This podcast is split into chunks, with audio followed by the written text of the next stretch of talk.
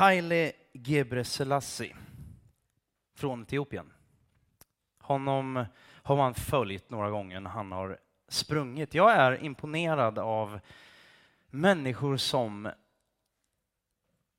gör allt de kan och snör in lite grann, eller väldigt mycket, på en viss uppgift. Han är etiopisk ja, maratonlöpare, kanske en av de bästa som, och främste som någonsin har, har liksom gått ett par Nike-skor. Vid hans fest när han firade ett av sina OS-guld hemma i Etiopien och det var massa pressfolk där och, och vänner och han är liksom någon slags stjärna.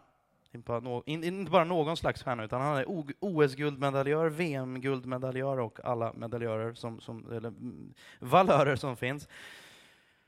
Mitt under festen, för den höll på ganska länge, så kom ju tiden för hans normala träning.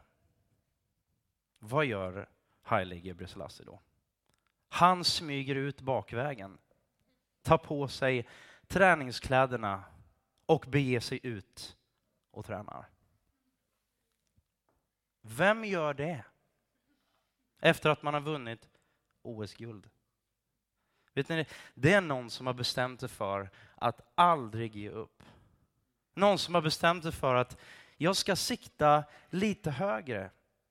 Jag tror faktiskt inte, en del av våra riktigt stora idrottsmän, så om man tittar på, på Ingmar Stenmark till exempel, man får ändå liksom, ja, tycka att han är ja, stenmarkare som han är, så tycker man att han, han är liksom lite extra. Sådär.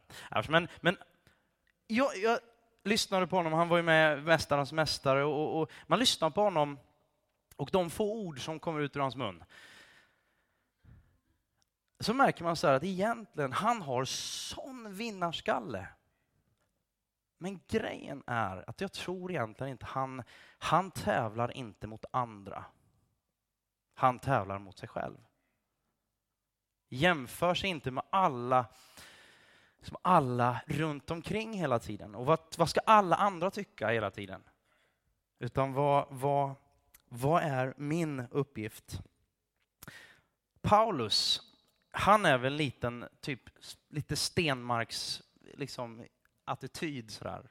Stenmark får frågan, har vunnit allt som går att vinna inom downhill slalom och så får han frågan, alltså, hur går det till? Hur gör du när du liksom Vin, alltså hur gör du när du, alltså du åker? Han, han, det var ju sådär, hur hans motståndare eller liksom medtävlande än bar sig åt så var jag en, ändå alltid en, liksom en sekund eller mer före dem. Hur de än, så frågan är ju ganska uppenbar sådär. Och då svarar han ju då, det är inte lätt att förklara för någon som inte begriper. Och sen gick han därifrån.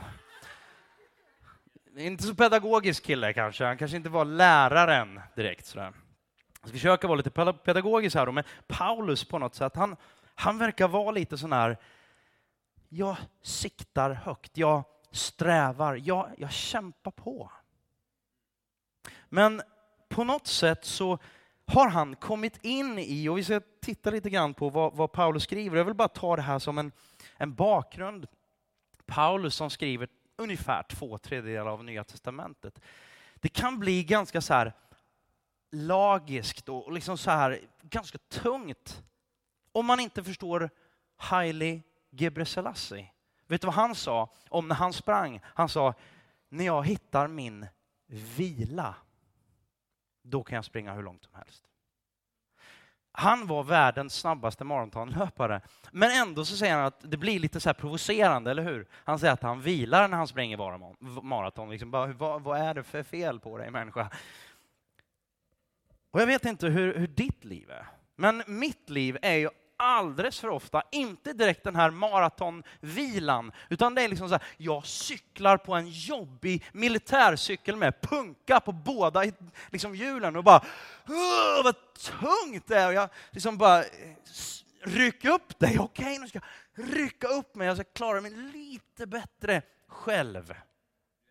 Och så är det så lätt att livet blir så. Kul att en känner igen sig. Men Paulus säger liksom i slutet av sitt liv, säger han så här, jag kämpade, yes, kan läsa om det i Filipperbrevet, jag kämpade och lite så här nästan, wow, jag klarade det! Det har varit en jättejobbig kamp och han vet väl att han är på väg mot slutet av, av sitt liv, men han väldigt tydligt tar inte någonting för givet. Utan han bara njuter av att han har lagt ett gott lopp bakom sig. Han har inte riktigt slutat än, men han märker liksom, att jag är på väg mot mållinjen. Ehm. Och varför säger jag det här? Jo, därför att Paulus hade kommit på någonting. Och det är att han behövde inte ens bara fightas i sig själv, mot sig själv. Utan han hade Gud på sin sida. Det är inte enkelt bara för det. Det är en kamp, det är en fight. Men han hade Gud på sin sida. Och du och jag kommer att möta utmaningar. Du kanske går igenom en av dina livs största kriser. Du kanske kommer att möta en kris bakom, bakom hörnet. Inte bara att det har kommit närmare, du börjar faktiskt få lite ljus på dig. Men alla går vi igenom olika saker, hela tiden. Frågan är, vem håller du och jag handen? För jag ska prata om föräldraskap idag. Och jag ska prata utifrån, om det utifrån tre olika perspektiv idag. Och om man vill söka utmaning, då ska man bli förälder.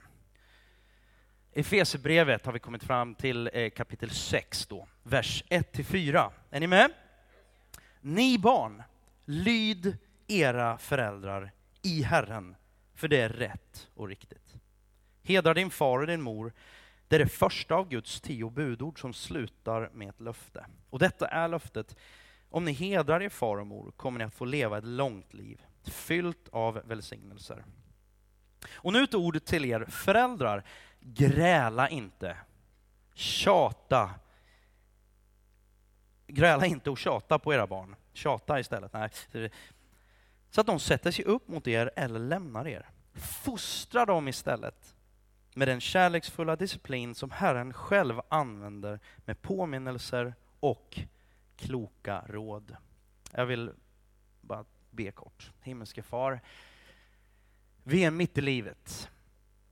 Vi är på olika platser i livet på det sättet. Vi, vi går igenom olika saker. Herre, jag tackar för att du känner var och en av oss, du vet var vi befinner oss. Och jag tackar att du ger oss ditt ord som någon slags, inte bara hjälp, utan styrka. Vi kan hålla dig i handen och jag ber att du ska ta var och en av oss, där vi är just nu, och leda oss framåt.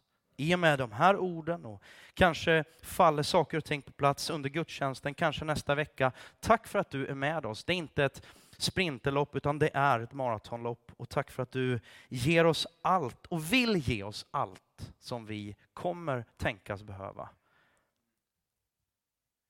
Här i livet. I Jesu namn. Amen. Kapitlet innan, en nyckelvers som jag vill att vi ska ha med oss, det är vers 21 i kapitel 25. Eh, då. då står det så här, ära Kristus, alltså ära, hedra Jesus Kristus. Genom att underordna er varandra. Ömsesidig respekt. Vi har talat om det här tidigare då. Eh, och, och, vill ni lyssna på tidigare undervisning så kan ni gå till vår webb, eh, webbsida och, och, och tanka ner och lyssna på undervisningen eh, där. Så, men det är sådär att alla våra relationer, våra horisontella relationer, eh, alltså de på något sätt är ju formade och är tänkta att, att spegla vår tro. Åtminstone, du, du sa ju där att ja, men, helgon är den som på något sätt med sina handlingar bevisar eller visar på att Gud finns. Jag hoppas ju att var och en av oss har värderingar som vi vågar stå för, som vi vill stå för och som vi vill ska prägla oss. Jag satt och pratade med vänner igår om detta fenomen med att man känner sig inte sällan som en hycklare. Man säger en sak till barnen och så gör man en annan sak. Ni ska inte äta godis förrän på lördag. Vad har du i munnen, pappa? Helt otroligt. Alltså hur stora näsborrar har barnen? Liksom? Unbelievable. Och, och det där med att leva som man lär, det gör man ju inte riktigt alltid. Men man skulle önska, och jag önskar att, att omsätta mina värderingar, min tro, i handling. Framförallt, var tar det sig uttryck? Det brukar jag säga så här vid, vid något tidigare tillfälle, att de stora frågorna jag brottas med är inte främst liksom skapelseberättelsen. Var det verkligen sex dagar Gud skapade jorden på och sen en vilodag så det blev sju dagar? Var det exakt sju gånger 24 timmar? Och så här? Det är inte de största frågorna. De största frågorna för mig, det är hur ska jag behandla mina barn? Hur ska jag älska dem? Hur ska jag älska min, min fru? Hur ska jag älska mina medmänniskor mer och behandla dem så som jag egentligen vill? Det är kanske de stora frågorna för mig i alla fall. Ehm, sen kan de andra vara eh, existentiella och stora frågor och, och lätta och svåra på olika sätt. Sådär. Men vi kommer in här och vi möter Paulus då, som skriver till Efesierna, till det romersk, grekisk-romerska hushållet, för det är det han förhåller sig till. Ni föräldrar, eller ni barn. Ehm, och bara jättekort, för det har vi gått igenom vid, tidigare undervisning, men han talar egentligen inte, han, han, talar in i ett existerande, någon slags familj, vi kallar det för familjetavla, en, en ordning i familjen. Där normalt sett ingen annan än Padre, fadern, liksom, the great lord of the house. Det var egentligen ingen annan man tilltalade officiellt när det handlade om lagar, när det handlade om liksom religiösa saker, då var det genom Fadern alltid, genom Fadern. Men här gör Paulus någonting extremt eh, radikalt, om du vill använda det ordet, eller eh, liksom banbrytande. Han börjar helt plötsligt tala till, inte bara kvinnan, utan till slavar och till barnen som absolut inte tilltalades. Och på det sättet, nej men just det här med att underordna er varandra. Alltså, vad handlar det om? Ömsesidig respekt. Det är jätteviktigt att komma ihåg. Och där har du evangeliet som bara lyser igenom. För, för, när vi kommer till nästa vecka när vi ska prata om slavar och herrar, vi har inte slaveri, tack gode Gud för det. Det är inte så att Paulus säger, nu ska vi införa slaveriet igen. Det är ju inte hans poäng. Hans poäng är ju, hur förhåller vi oss till olika maktstrukturer som råkar finnas i samhället? Din chef var det någon som pratade om här nyss ja, men då lyder man sin chef. Och hur beter man sig då som chef? Antingen kan jag vara en god chef eller en dålig chef. Eller hur? Alltså, hur beter Så det kommer vi att prata om nästa vecka. Det blir jättespännande. Um, cliffhanger. Så att, uh, ja visst. Um, första punkten. Ni barn, lyd, era, lyd och hedra era föräldrar. Ni barn, lyd era föräldrar i Herren, för det är rätt och riktigt. Hedra din far och din mor, för det är det första av tio, nej, Guds tio budord som slutar med ett löfte. Och detta är löftet att om ni hedrar er far och mor kommer ni att få leva ett långt liv, fyllt av välsignelse. Paulus talar direkt till barnen. Och här då, eh, han talar till barnen om att, och han tilltalar och, och talar om deras egen tro och tillit till Gud och lydnad till Gud. Att, att, eh, liksom sådär, att, att, att ja, de är viktiga för Gud, nummer ett. Det var inte bara de vuxna, det var inte bara eh, nej men pappan liksom. Eller, eh, eller eh, någon slags, i, i det samhället, de viktiga personerna. Gud gör ingen skillnad till person. Vi har Kids Church, vi har Kids, eh, och, och eh, ja, barnen som är där inne, de har gudstjänst precis som vi fast på ett sätt som är lite mer lämpligt för dem. Egentligen skulle vi alla vilja vara där, men nu tvingas ni vara här med mig.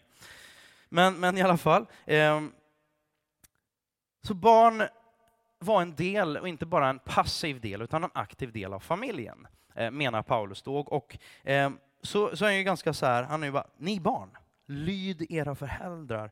Ehm, och karaktären då här, som han pratar om, det här med lydnad och heder. Jag vet inte riktigt. Jag gillar ju ordet, det engelska ordet, lite bättre än heder. Honor. Lite rikare, smakar lite bättre på tungan. Då tänker jag på Gladiator med Russell Crowe. Jag tänker på liksom gamla godingar som, som eh, William Wallace i Braveheart, som gör saker och ting för honor. Come on somebody. Då bara, jag bara känner bara rysningar ut med nacken här. Nej, men det händer någonting. Heder, mycket på grund av hedersrelaterat våld och så vidare. Så har det fått en något negativ klang. Eh, men jag tror att det är jätteviktigt att vi lär oss kanske att ta tillbaka, vinner tillbaka lite mark som handlar om att vi respekterar varandra och visar varandra respekt och hedrar eller honor varandra. Alltså att hedra någon, det brukar ske på bröllop och sen när man dör. Det är ungefär så här, that's it.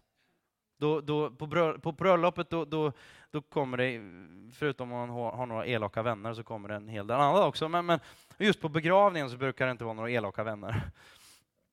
Utan då kommer allt det vackra och så tänker man så här, ah, tänk om de hade sagt det när han levde, karln. Det hade varit bättre.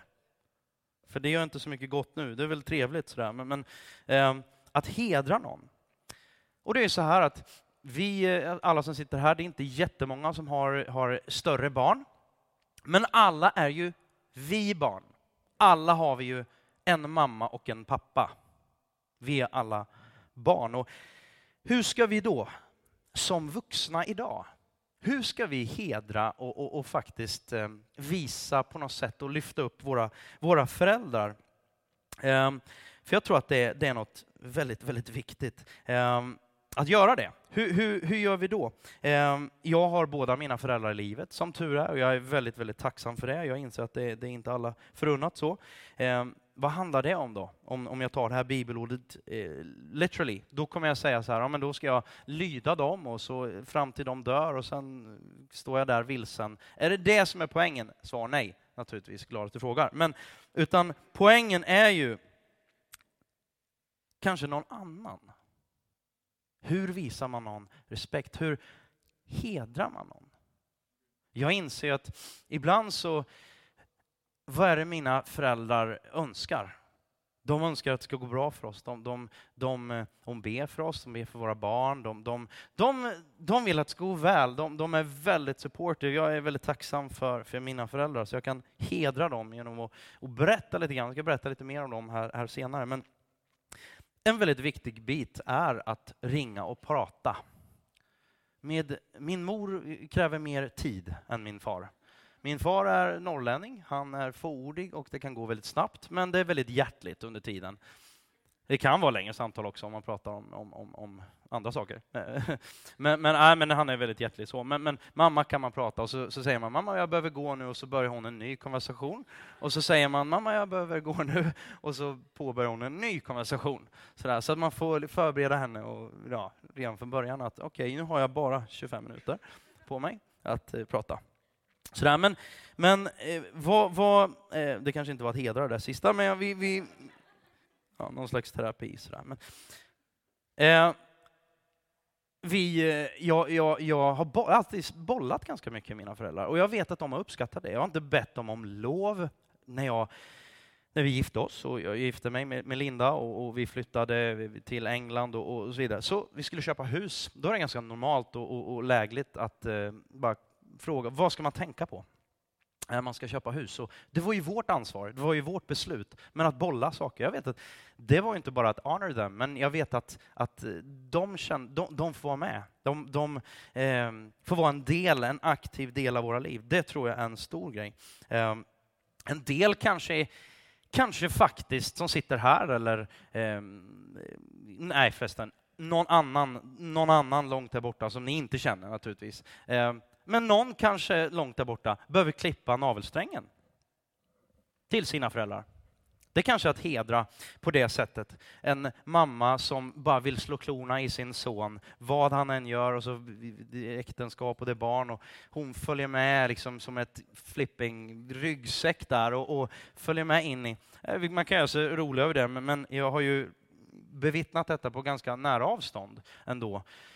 Där det här blir jättesvårt och väldigt smärtsamt och, man får hantera det på, på förhoppningsvis, ja men det blir, blir ganska jobbigt. Sådär. Eh, för Bibeln så är det ju ändå sådär, från början skapade Gud både man och kvinna och därför ska en man lämna sin far och sin mor och gå ut då och bli förenad med sin hustru, de ska bli ett. Men hur kan jag respektera och hedra mina föräldrar som vuxen? Ja, ringa, hålla kontakt naturligtvis. Och inte bara säga hej, tack och hej. Eh, nu nu liksom har jag fått allting jag behöver. Liksom, ni är inte del av mitt liv direkt, ni är ganska ointressanta, ni är trötta, tråkiga, liksom lökiga. Eh, nu drar jag, det är ju ett mycket häftigare liv här borta. Och så bara, det är ju inte direkt att hedra, utan det är något annat. Eh, du har ändå kostat minst, minst en och en halv till två miljoner svenska kronor när du har vuxit upp. Så att det, någon, någon, slags, eh, om man nu inte typ håller på med, inte, inte så känslomässigt, så kan man ändå prata pengar. Liksom så här. Du var dyr i drift. Någonstans får du ändå ge lite tillbaka. Äh då, skämt åsido, men jag tror så här, eller jag vet.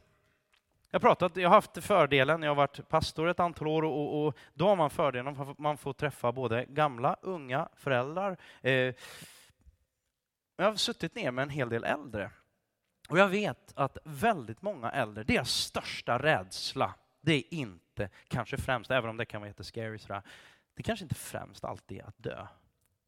Utan det är att bli ensamma. Att bli lämnade någonstans, att bara bli över, att ingen behöver dig. Från att du föds, barn, mår så bra och behöver ha dess föräldrar som bara Hjälp mig, jag, jag behöver din hjälp. Kan du, kan du hjälpa mig att bära kund, liksom, vad heter den, korgen? Kan du hjälpa mig i landet? Ja, men du är ju i vägen, unge. Men behöver få känna att man hjälper till, att man är viktig, att jag, jag får vara med. Tillhörighet, det är så viktigt. Det blir inte mindre viktigt bara för att man blir gammal. Det här talar till mig. Jag sitter och bara, oh, vad händer om mina föräldrar, nu, nu har de varandra och de mår väldigt bra fysiskt och så vidare, men liksom om, om 10-15 år, jag vet inte, det ingen, finns ingen garanti för att de alltid ska må bra och så vidare och så vidare. Vad kommer jag göra? Vilken, vilket ansvar kommer jag ta? Vi är fyra syskon, det är bra. Vi ska skaffa många barn älskling. Och bara, nej. Skoj. Eh. Ja, men tänk att hedra genom att finnas där för sina föräldrar när de blir äldre. Det var en så här, ah, är jag det nu? Alltså, jag, alltså det är bara så att ja men det kommer jag vara sen. Bara, nej, om du inte är det nu kommer du inte vara det sen. Det är inte något som bara uppstår. Sen finns det olika tider i livet och bla bla bla. bla så det, absolut. Men, men hur gör jag det jag kan idag? Det är en bra fråga. Hur hedrar jag idag? Jag skulle säga så här också, att ett annat sätt att hedra sina föräldrar idag, det kanske är du som sitter här och känner att det är något, det är något som gror, det är något skaver här inne dina föräldrar har behandlat dig på ett felaktigt sätt, kanske ett uppenbart, kanske din pappa eller din mamma, eller någon i din närhet, liksom sådär, men dina föräldrar har behandlat dig väldigt illa.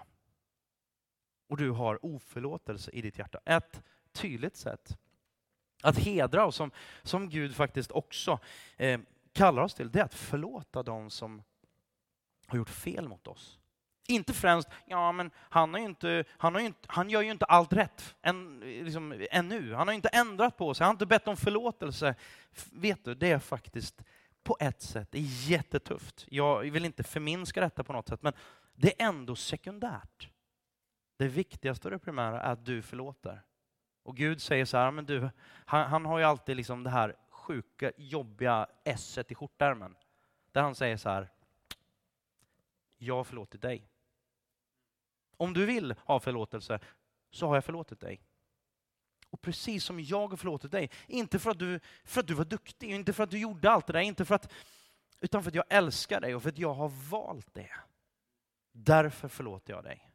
Och utifrån det så kan det komma en förändring. Men även om det aldrig skulle komma, så skulle jag i alla fall, och då har vi det här, det här två orden, eller det här uttrycket som Paulus använder väldigt mycket i svenskan, så säger vi så här, i Kristus.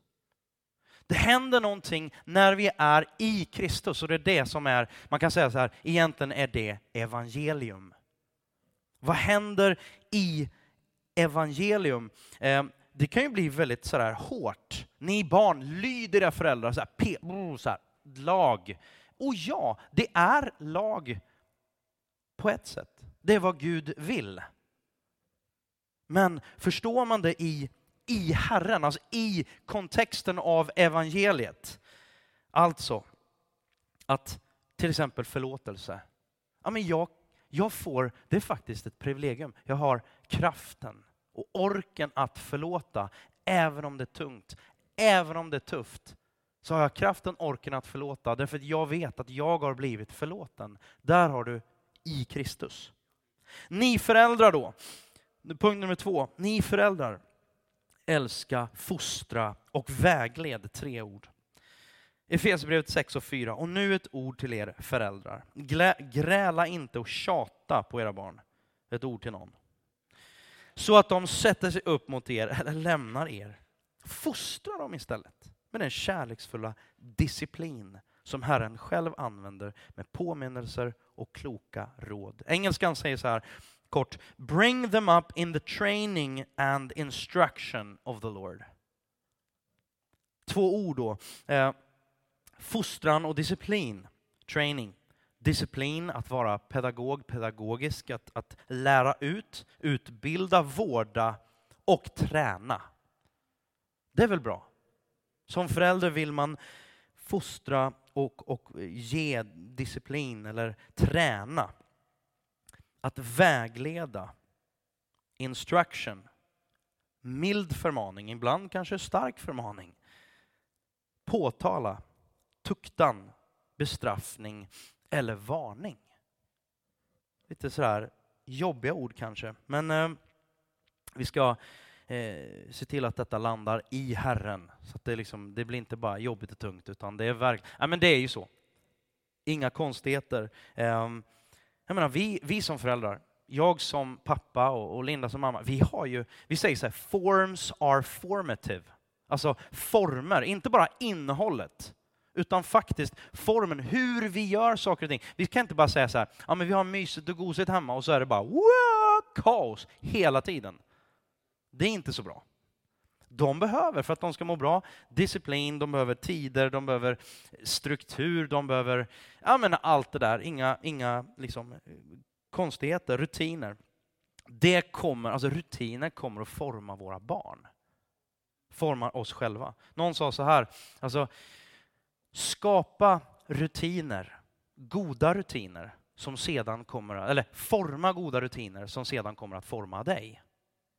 Och så är det ju med våra barn. Forma goda rutiner, för sen kommer de rutinerna att forma dina och, och våra, våra barn. Martin Luther då, reformationens fader, denne tyske munk. Han eh, sa mycket klokt och eh, bland annat så pratar han om fyra olika nivåer eller olika eh, förhållningssätt till lydnad. Vi ska gå igenom dem kort. Nummer ett, initial lydnad, alltså kallas det bebislydnad. Ehm, eller barnlydnad. Att lära sig lyda mamma och pappas röst innan man ens vet och förstår vad de säger. Man hör på tonläget att jag ska inte lägga handen på den där varma plattan. Bara, uh -oh. Så bara, man ser bebisen, de vet direkt vad vi liksom hör. Det är något i mamma eller pappas röst nu som, nu ska vi inte. Och så kanske de gör så här. bara, bara för att utmana detta och testa naturligtvis. Men, men den här initiala lydnaden, den kan rädda ett barn från att bli överkörd av en bil. Stopp! Igår så gick vi i stan, jag och Caleb och Ville. Eh, Ville satt i vagnen och Caleb gick bredvid mig. Och så var det ju rött och han vet ju att man inte går ut, men han gick och tänkte på något annat. Det var på Drottninggatan och så kom han fram till, vet, vad heter den då? Skitsamma. Där det är rött ljus i alla fall. Och så stannar jag och, och Willer i vagnen, men han stannar inte. Och han hinner ju bara ta ett halvsteg innan jag, och jag säger ingenting, jag bara äh! typ något sånt. Och Caleb bara och så skrattar han åt det här sen då, för att jag inte sa något. Han bara, du sa äh! Men i alla fall, han, han, han, jag, bara, jag blev ju rädd och alla andra blev rädda också bredvid. Det var mycket folk, men, men det var ju värt det, om man säger så. Och först blev han lite rädd och sen skrattade vi och, och skämtade lite om det sådär. Men jag sa att det är ju jätte, alltså vi måste, nu går vi här i trafiken och nu är vi med här. Jag vill inte ha en platt Caleb. Ehm, Sådär. Men jag valde att inte bli arg, utan väldigt pedagogisk kände jag att jag var. Jag gick där och bara yes. Ja, så är det ibland. Verkligheten, mina vänner, kära vänner. Ehm, nej, men alltså, visst är det så att fokus är att på vårda och, och, och, älska och allt det där, men ibland så behöver man berätta, här, här går gränsen. Här är det. Det är ju väldigt svårt att spela fotboll utan några regler. Det är inte speciellt kul. Och eh, den största killen kommer alltid slå ner dig. Alltså det, det blir inget bra. Regler och, och på, på ett sunt sätt blir väldigt bra. Däremot ska jag säga så här att blanda aldrig ihop din kärlek, liksom din kärlek och uppskattning för dina barn och, och, och gör en motsättning mellan det och att sätta gränser. För mig igår när jag ryter till, det är ju av kärlek. Ibland, eller inte bara ibland, man behöver sätta tydliga gränser. Inte alltid. En del av oss är för noga och för, det är för mycket regler och för mycket. Och då kommer barnen, det är det han säger, tjata inte, gnata inte. Jag brukar säga så här, jag säger bara till en gång. Och sen kommer du hamna på ditt rum om du inte liksom, det, det, du väljer. Det är inga, inga känslor, det är liksom ingen, det är bara så här, gör det här nu eller så sluta och slåss. Eller så får du gå någon annanstans. Som min mor sa, om du inte har något att göra så gör det inte här. B. Social lydnad. Hon var också lite halvnorrlänning kanske. Eh, hur uppför sig barnen i vår familj, i samhället? Grundläggande saker som tack så mycket. Lite rolig story. Så jag var i, flyttade till England, jag var 21 och eh, hamnade i en, en, en, brittisk familj. De var väldigt noggranna, med, med, väldigt varm och god familj på många sätt. Så här, men de var väldigt brittiska också. Och där säger man ju please, och det gör inte vi svenskar riktigt så här. Inte, med, inte så i alla fall, inte jag. Ehm, eh, och man sitter där på morgonen sådär och så bara pass me the butter. Och hon är väldigt brittisk, mamman där. Och hon bara spände ögonen i och så please. please. Och så lärde man sig den hårda vägen att säga please. För det blir väldigt eh, sådär direkt annars. Men någonstans så är det ganska viktigt. Inte rapa offentligt, man vill lära barnen att, att inte liksom, ja, men att, att fråga vänligt, att inte slå varandra och liksom sådär. Och, um, jag tror våra barn är ganska så frimodiga, vilket jag tycker är grundläggande väldigt bra. De är ganska högljudda, kan det vara.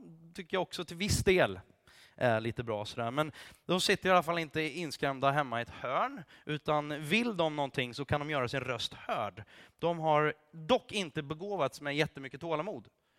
Det kanske beror på mamma och pappa, kanske mer pappa än mamma. Men, men någonting som gäller hos oss, det är ömsesidig respekt.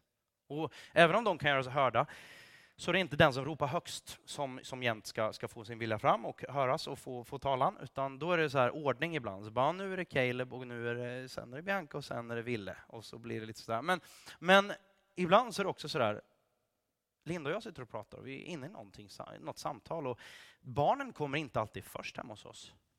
Inte alltid. Eh, det är viktigt för dem att lära sig, nej men just nu sitter mamma och pappa och pratar. Vi måste också kunna ha en, en, en, en relation. Vi, vi har ett samtal, ni är här, det är helt okej okay att vi är alla... Men just nu pratar du får faktiskt vänta det superjobbiga ordet för ett barn. Du får vänta. Sen kanske inte bra om de alltid får vänta, men Nästa då, civil lydnad. Vi lär oss lagar, de lagar vi har ett land. Ehm, vi har även då, eh, alltså ja, i lagarna, du får inte köra bil innan du har, har körkort och du är 18 och du får inte stjäla och du måste vara 18 år innan du beställer alkohol på en bar och så vidare. Sju av tio Guds budord är civila lagar kan man ju säga. Du ska inte dräpa, du ska inte begå äktenskapsbrott, du ska inte stjäla. Och så har vi det här sista då, religiös lydnad. Och jag skulle säga så här, varje familj lär sin alltså mjukvara. Varenda familj lär sin, sina barn och, och har någon slags religiös lydnad, kultur i, i, i, nu, nu sådär, eh, vad man gör av ordet religiöst, det är naturligtvis, Martin Luther pratar ju om liksom, kristna, den, den bibliska, eh, liksom, bibliska kyrkan. Eh, och lärjungar till Kristus. Men, men, men, vi har ju ganska mycket av sportextrakyrkan i, i Sverige. Vi har på lördagar, då gör vi så här. Vi, på söndagar är det ju church, då är det United eh, klockan 15.30 det öppnar dörrarna och så 16.00 börjar gudstjänsten och så är det Kids. Det vet, det vet våra barn. Eh, men en del har ju Sportextra, kyrkan. En del har Shoppingkyrkan. En del har kanske till och med IKEA-kyrkan. En del har väldigt tydligt bara jag-kyrkan. Eh, sådär, men lite sådär. Men jag, men jag tror att man gör olika saker. Och om vi är bibliskt troende så betyder nog det att vi någonstans vill förmedla, i alla fall som barn, och som, sen måste de få växa upp, och det, det kommer jag till, sådär, men, och ta sina egna beslut och så vidare. Men innan de själva är troende så kommer vi att introducera dem i vad vi tror på finns ingen. Det bara, nej, men vi, jag hade en, en, en svåger som alltid sa så här, nej men ni, ni, pådyvlar ju, ni pådyvlades ju det här med kristen tro och så vidare. Och jag måste säga att jag har aldrig känt att mina föräldrar har pådyvlat. Vi har alltid, de har tagit med oss. Det är liksom inget, alltså hemma hos oss så duschar man eh, när man luktar illa till exempel. Eh, man kanske duschar innan man luktar illa till och med. Eh, man, man, man, klipper naglarna. Eh, man måste gå på toa även om man heter Ville och, och inte vill gå på toa innan man går och lägger sig. För annars blir det inte bra i sängen. Och liksom så här, nej men, man, man kan inte springa omkring i fillingarna hela dagen, även om man är jättevarm. Utan går man ut och det är november, då måste man sätta på sig kläder. Det är inte konstigt. Det har inte vi diskussion kring hemma. Jo, ibland kan vi ha det, men, men då handlar det mer om, om liksom sådär. Alltså grejen är den att i vår familj så går vi till kyrkan och vi kommer till United på söndagarna och våra barn följer med. Det är inte up for grabs. Sen när de blir äldre, då kommer de få bestämma själva. Men vi introducerar dem i det som vi, och det kan ju någon tycka var hemskt att det är indoktrinering. Jag ska säga så här att min svåger sa, nej men ni blir indoktrinerade och jag vill att mina barn ska växa upp och vara fritänkare. Och så kommer detta då med hans intressen kring alla möjliga saker. Jag behöver inte berätta om det för att uh, avslöja för mycket. Men det är så tydligt att han såg in sina värderingar. Och, alltså, så är, du kan inte, alltså, ska, du, ska du uppfostra dina barn genom att inte påverka dem? Bara, good strategy. Det kommer gå jättebra för dina barn. Kanske inte. Däremot tror jag att det är väldigt viktigt. Vi har aldrig sagt till barnen, du måste tro så här. Jag säger, jag tror så här. Och ja, men De har någon idé om, om något, ställer en fråga. Hur, hur tror du pappa? Hur, för något år sedan var det väldigt mycket så här, Gud är starkast och störst. Det vet vi. Liksom så här. Först är Gud, sen är det Jesus, sen är det pappa. Någon gång var det Linus innan pappa, det var väldigt konstigt. Men det har han liksom fixat till sen efteråt. Det hände en gång. Alla kan göra fel en gång, men inte fler. Nej, men det, det, är liksom så här, man, man ja, följer med. så. Um, ja. Jag går till den sista punkten. Vi är ju inte bara barn till våra föräldrar. Och vi, om vi är föräldrar så är vi inte bara föräldrar till, till våra barn, utan faktum är att Bibeln talar om att vi är Guds barn. Och att vi behöver förhålla oss till honom som vår far. Um, om man tittar på Gud och eh, hans, ja, men hans hjärta då står det så här i Galaterbrevet 3.26. Alla är ni barn genom tron på Kristus Jesus. Alltså det här ordet, eller uttrycket, i Kristus så är vi barn till Gud. Inte utanför Kristus, utan i Kristus som vi tagit emot de glada nyheterna och evangeliet. Alla ni som har blivit döpta till Kristus, det är alltså inget bara säga det är ingen, inget krav för att du ska vara i Kristus, att du ska vara eh, frälst på det sättet, räddad, eh, Guds barn, att du ska bli döpt. Men om du är det så, så döps du eh, och du vill döpas. Eh, och vi har blivit iklädda Kristus. Här är inte jude eller grek, slav eller fri, man eller kvinna. Alla är ni ett i Kristus Jesus. Återigen, ömsesidigt underordnande, mutual respect, ömsesidig respekt. Så, två bitar Guds villkorslösa kärlek först. Hur är hans föräldraskap och vår relation till honom? Orkar ni tre bibelord? inte så långa, Romarbrevet 8, 38, 39, två verser. Ty jag är viss om att varken död eller liv, varken änglar eller furstar, varken något som nu är eller något som ska komma, varken makter, höjd eller djup eller något annat skapat ska kunna skilja oss från Guds kärlek i Kristus Jesus, vår Herre. Där har du igen, i Kristus. I evangeliet, när vi tagit emot det, och vi är, då är vi, inte bara om vi är, utan i Kristus, då är vi Guds barn. Och ingenting kan skilja dig. Vad du än gör, vad du än hittar på.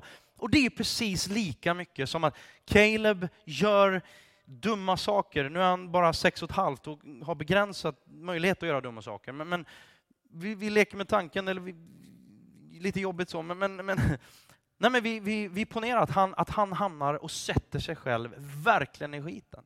Och gör illa sig själv, gör illa oss och gör illa andra människor. Kommer han vara min son i alla fall? Svar ja. Jag kommer aldrig disown him, va? du är inte längre min son, gå bort ifrån mig. Så är det med Gud också. Vad du än gör. Det är många som säger, men jag, jag platsar inte. Jag platsar inte, liksom, jag är inget helgon direkt. Nej, det, det, det vet jag, men inte jag heller. Det är jobbigt med någon som tycker att de är helgon. De hade Jesus lite problem med, de kallade sig fariseer. Psalm 23, en psalm av David. Herren är min herde. Mig skall inget fattas. Han låter mig vila på gröna ängar. Han för mig till vatten där jag finner ro. Han vederkvickar min själ. Han leder mig på rätta vägar för sitt namns skull. Om jag än vandrar i dödsskuggans dal fruktar jag inget ont. Ty du är med mig. Din käpp och stav tröstar mig. Där har vi det igen. Gud går med dig. Du dukar för mig ett bord i mina ovänners åsyn. Du smörjer mitt huvud med olja och låter min bägare flöda över. Idel godhet och nåd ska följa mig i alla mina livsdagar och jag ska bo i Herrens hus evinnerligen. Där har du Gud som bara vill ditt bästa. Han vill hålla dig i handen, han vill gå med dig. Guds fullständigt villkorslösa kärlek som inte, han ber inte om det tillbaka. Han ber inte om någonting tillbaka först, utan han älskar först. Sen tror jag att han längtar efter din och min respons. Helt amazing att få komma hem efter jobbet och ja, men barnen bara pappa! Och så springer alla tre på en gång eller någon som, ja. Eh, och så ska de hoppa högt och så ska de kramas. Och, och, eh, det är ju helt amazing. Men även om de inte skulle göra det, skulle jag inte sluta älska dem. Jag ber inte om det först, det bara händer som bebisar. Så, det är så bra att barn är bebisar i början. Man lär sig liksom att bara älska villkorslöst. Man får, man får, det är klart man får något tillbaka, men inte som de med vilja ger.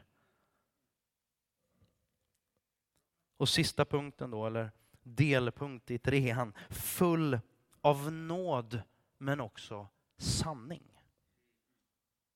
Gud är inte bara en sugar daddy in the sky. En jultomte som vi plockar fram när jag har lite ont i stortån. Eller ens han är där när du sätter dig i klistret. Om det så är första och enda gången som du vänder dig till honom, så finns han där. Han kommer aldrig att bara, nej men du har inte, du har inte som jag sa, du har inte förtjänat det här, du har inte levt för mig, du har inte fixat det här. Du har varit en dålig människa, eller du, du kanske tycker du är ganska bra, men, men liksom, du har inte kommit till mig. Du, nu har du problem, nu är det dags att komma. Sån är inte Gud. Däremot så tror jag att han längtar efter din och min respons, ditt och mitt hjärta. Men han är också, han är också Gud. Han är också full av sanning. Och det finns något som är fel och det finns något som är rätt. Och det finns saker som du mår bra av och det finns saker som du mår dåligt av. Det finns saker och ting, det är inte svartvitt allting, men så här står det i Hebreerbrevet 12 och 5. Min son, var tacksam för Herrens fostran. Tappa inte modet. Jag vet inte vad du tänker när man pratar fostran. Vi brukar faktiskt be, Gud hjälp oss varje kväll så ber jag tre saker. Gud, hjälp mig att uppfostra, eller hjälp Linda och mig att uppfostra våra barn. Och sen hjälp oss att vänja dem, det här jag pratade om innan, vänja dem vid den väg de ska vandra. Och så har jag min egen sådär, jag ber att Caleb ska bli en Guds man. Och jag ber att Bianca ska växa upp och bli en Guds kvinna. Och så fyller Ville i, och Ville blir en Guds man. Ehm, Jättetvå, jag ska sluta med två stories som för mig har beskrivit Gud. Det kan låta lite flummigt det där, men två stories som jag har upplevt själv gentemot min pappa speciellt. Någon av er har hört någon av de här storiesna kanske innan, men, men jag vill bara berätta dem om det är okej. Okay. Det första är, jag var 15 år och jag hade betett mig illa mot min mamma. Jag hade sagt dumma saker och hon var ledsen. Och jag brydde mig inte så mycket, utan jag, jag tänkte inte på det. Jag var inne i mitt, jag var inne i nästa grej och bara körde på. Men hon var på nedervåningen och jag var uppe i mitt rum och hon grät. Jag visste inte riktigt om det. Jag hade bara varit, jag hade väldigt oförskämd under, jag, vet, jag kommer inte exakt ihåg vad det var för någonting, men, men det hade ju hänt en gång då att jag var, var det. Um, och så kom ju den där knackningen, eller tydliga knackningen på dörren. Och så är det pappa som kommer. Och så säger han bara, jag vill prata med dig. Och um, jag var inte intresserad, så jag bara, så bara whatever. Och så, och så sa han någon gång till. Och han är också sån där som säger bara, jag säger inte fem gånger, utan jag säger en gång. Och så bara, tonen var, jag vill prata med dig nu. Och då struntade jag i det också. Och då är det enda gången faktiskt som det har hänt. Han har aldrig slått mig, aldrig, men han tog tag i min arm och visade tydligt att nu kommer vi att prata med dig. Och så gick vi in på kontoret så bara, och då, då är det bara så här, okej, okay, allow it. Så gick vi in där och så bara berättar han för mig. Bara, det här har du sagt, det var väldigt mycket fakta. Det här har du sagt, det här har du sagt, det här har du sagt. Så här mår mamma just nu. Nu går du ner och ber henne om förlåtelse. Och så kramar du om henne och så gör du aldrig om det här. Är det förstått? Liksom. Typ så. Och, och jag skämdes ju. Och jag gick ner till mamma och så kramade jag om henne. Och, så, liksom, och det är klart att jag säkert gjorde om det. Men jag, några sådana här bitar, alltså jag förtjänade ju alltså Hade han bara släppt mig, då hade det inte blivit bättre. Inte för min mamma, inte för min familj, inte för mig, inte för någon hade det blivit bättre. Ibland behöver du konfrontera dem du älskar mest av alla. Dina barn, din hustru, din man, din, dina vänner kanske. Det är äkta kärlek. Allt annat är bara liksom, suck it up.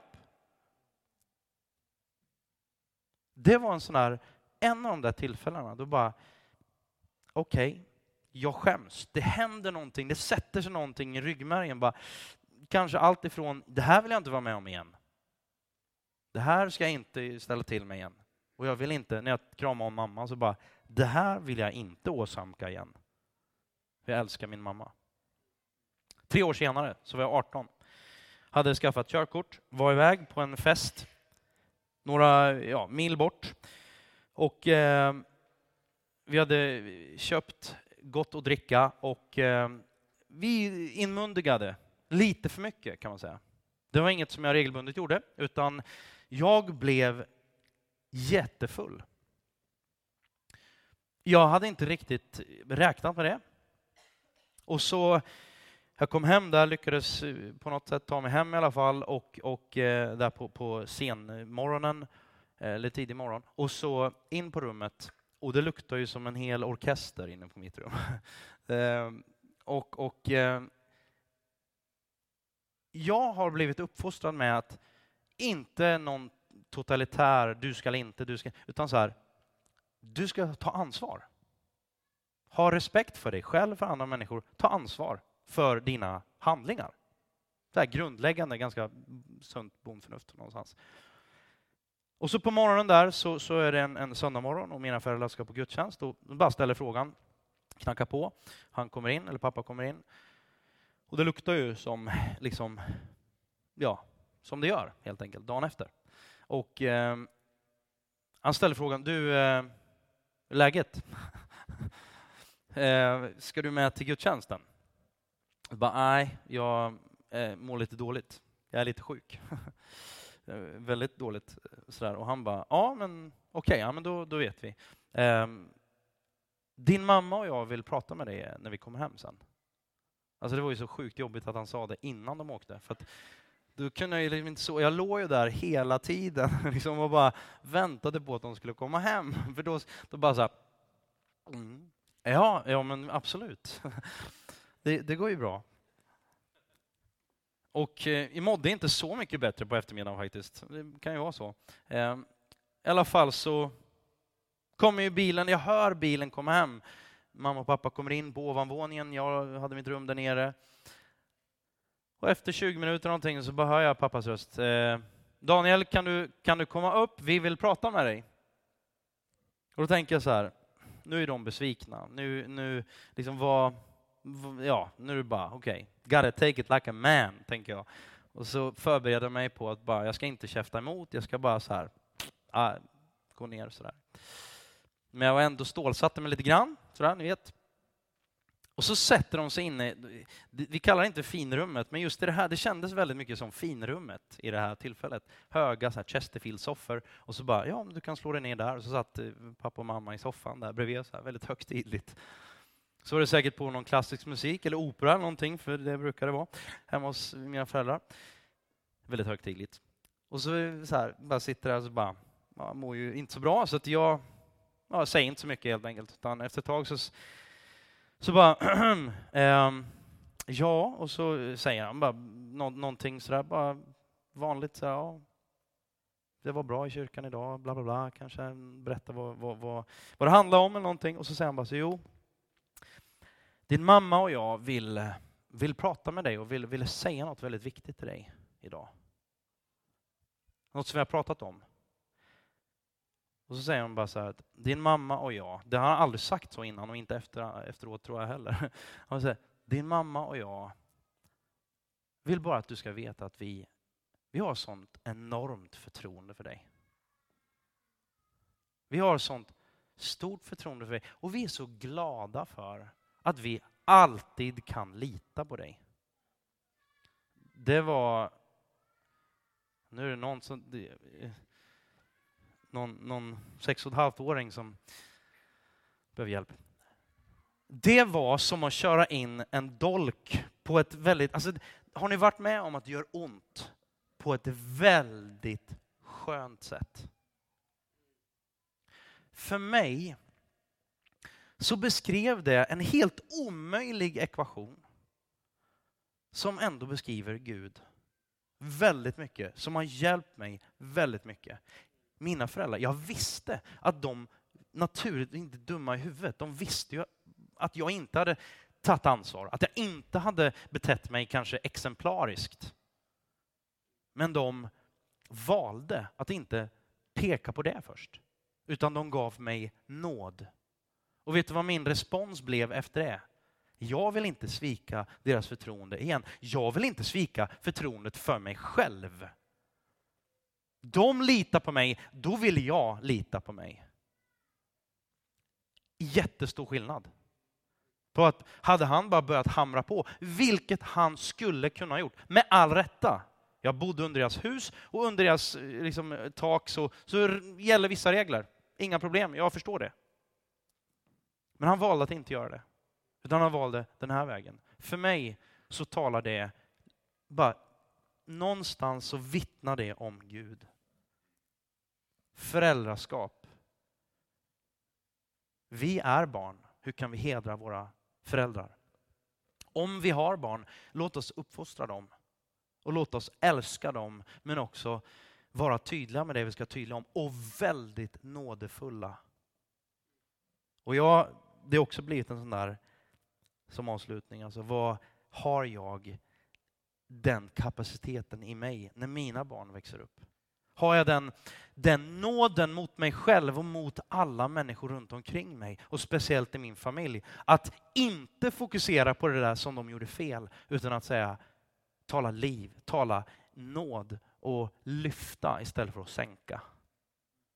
Sen är det klart att man, man får ta konsekvenserna av det man gör ibland. Så det, det har jag vuxit upp med också, det tycker jag är logiskt. Men där har du, för Gud är också vår far.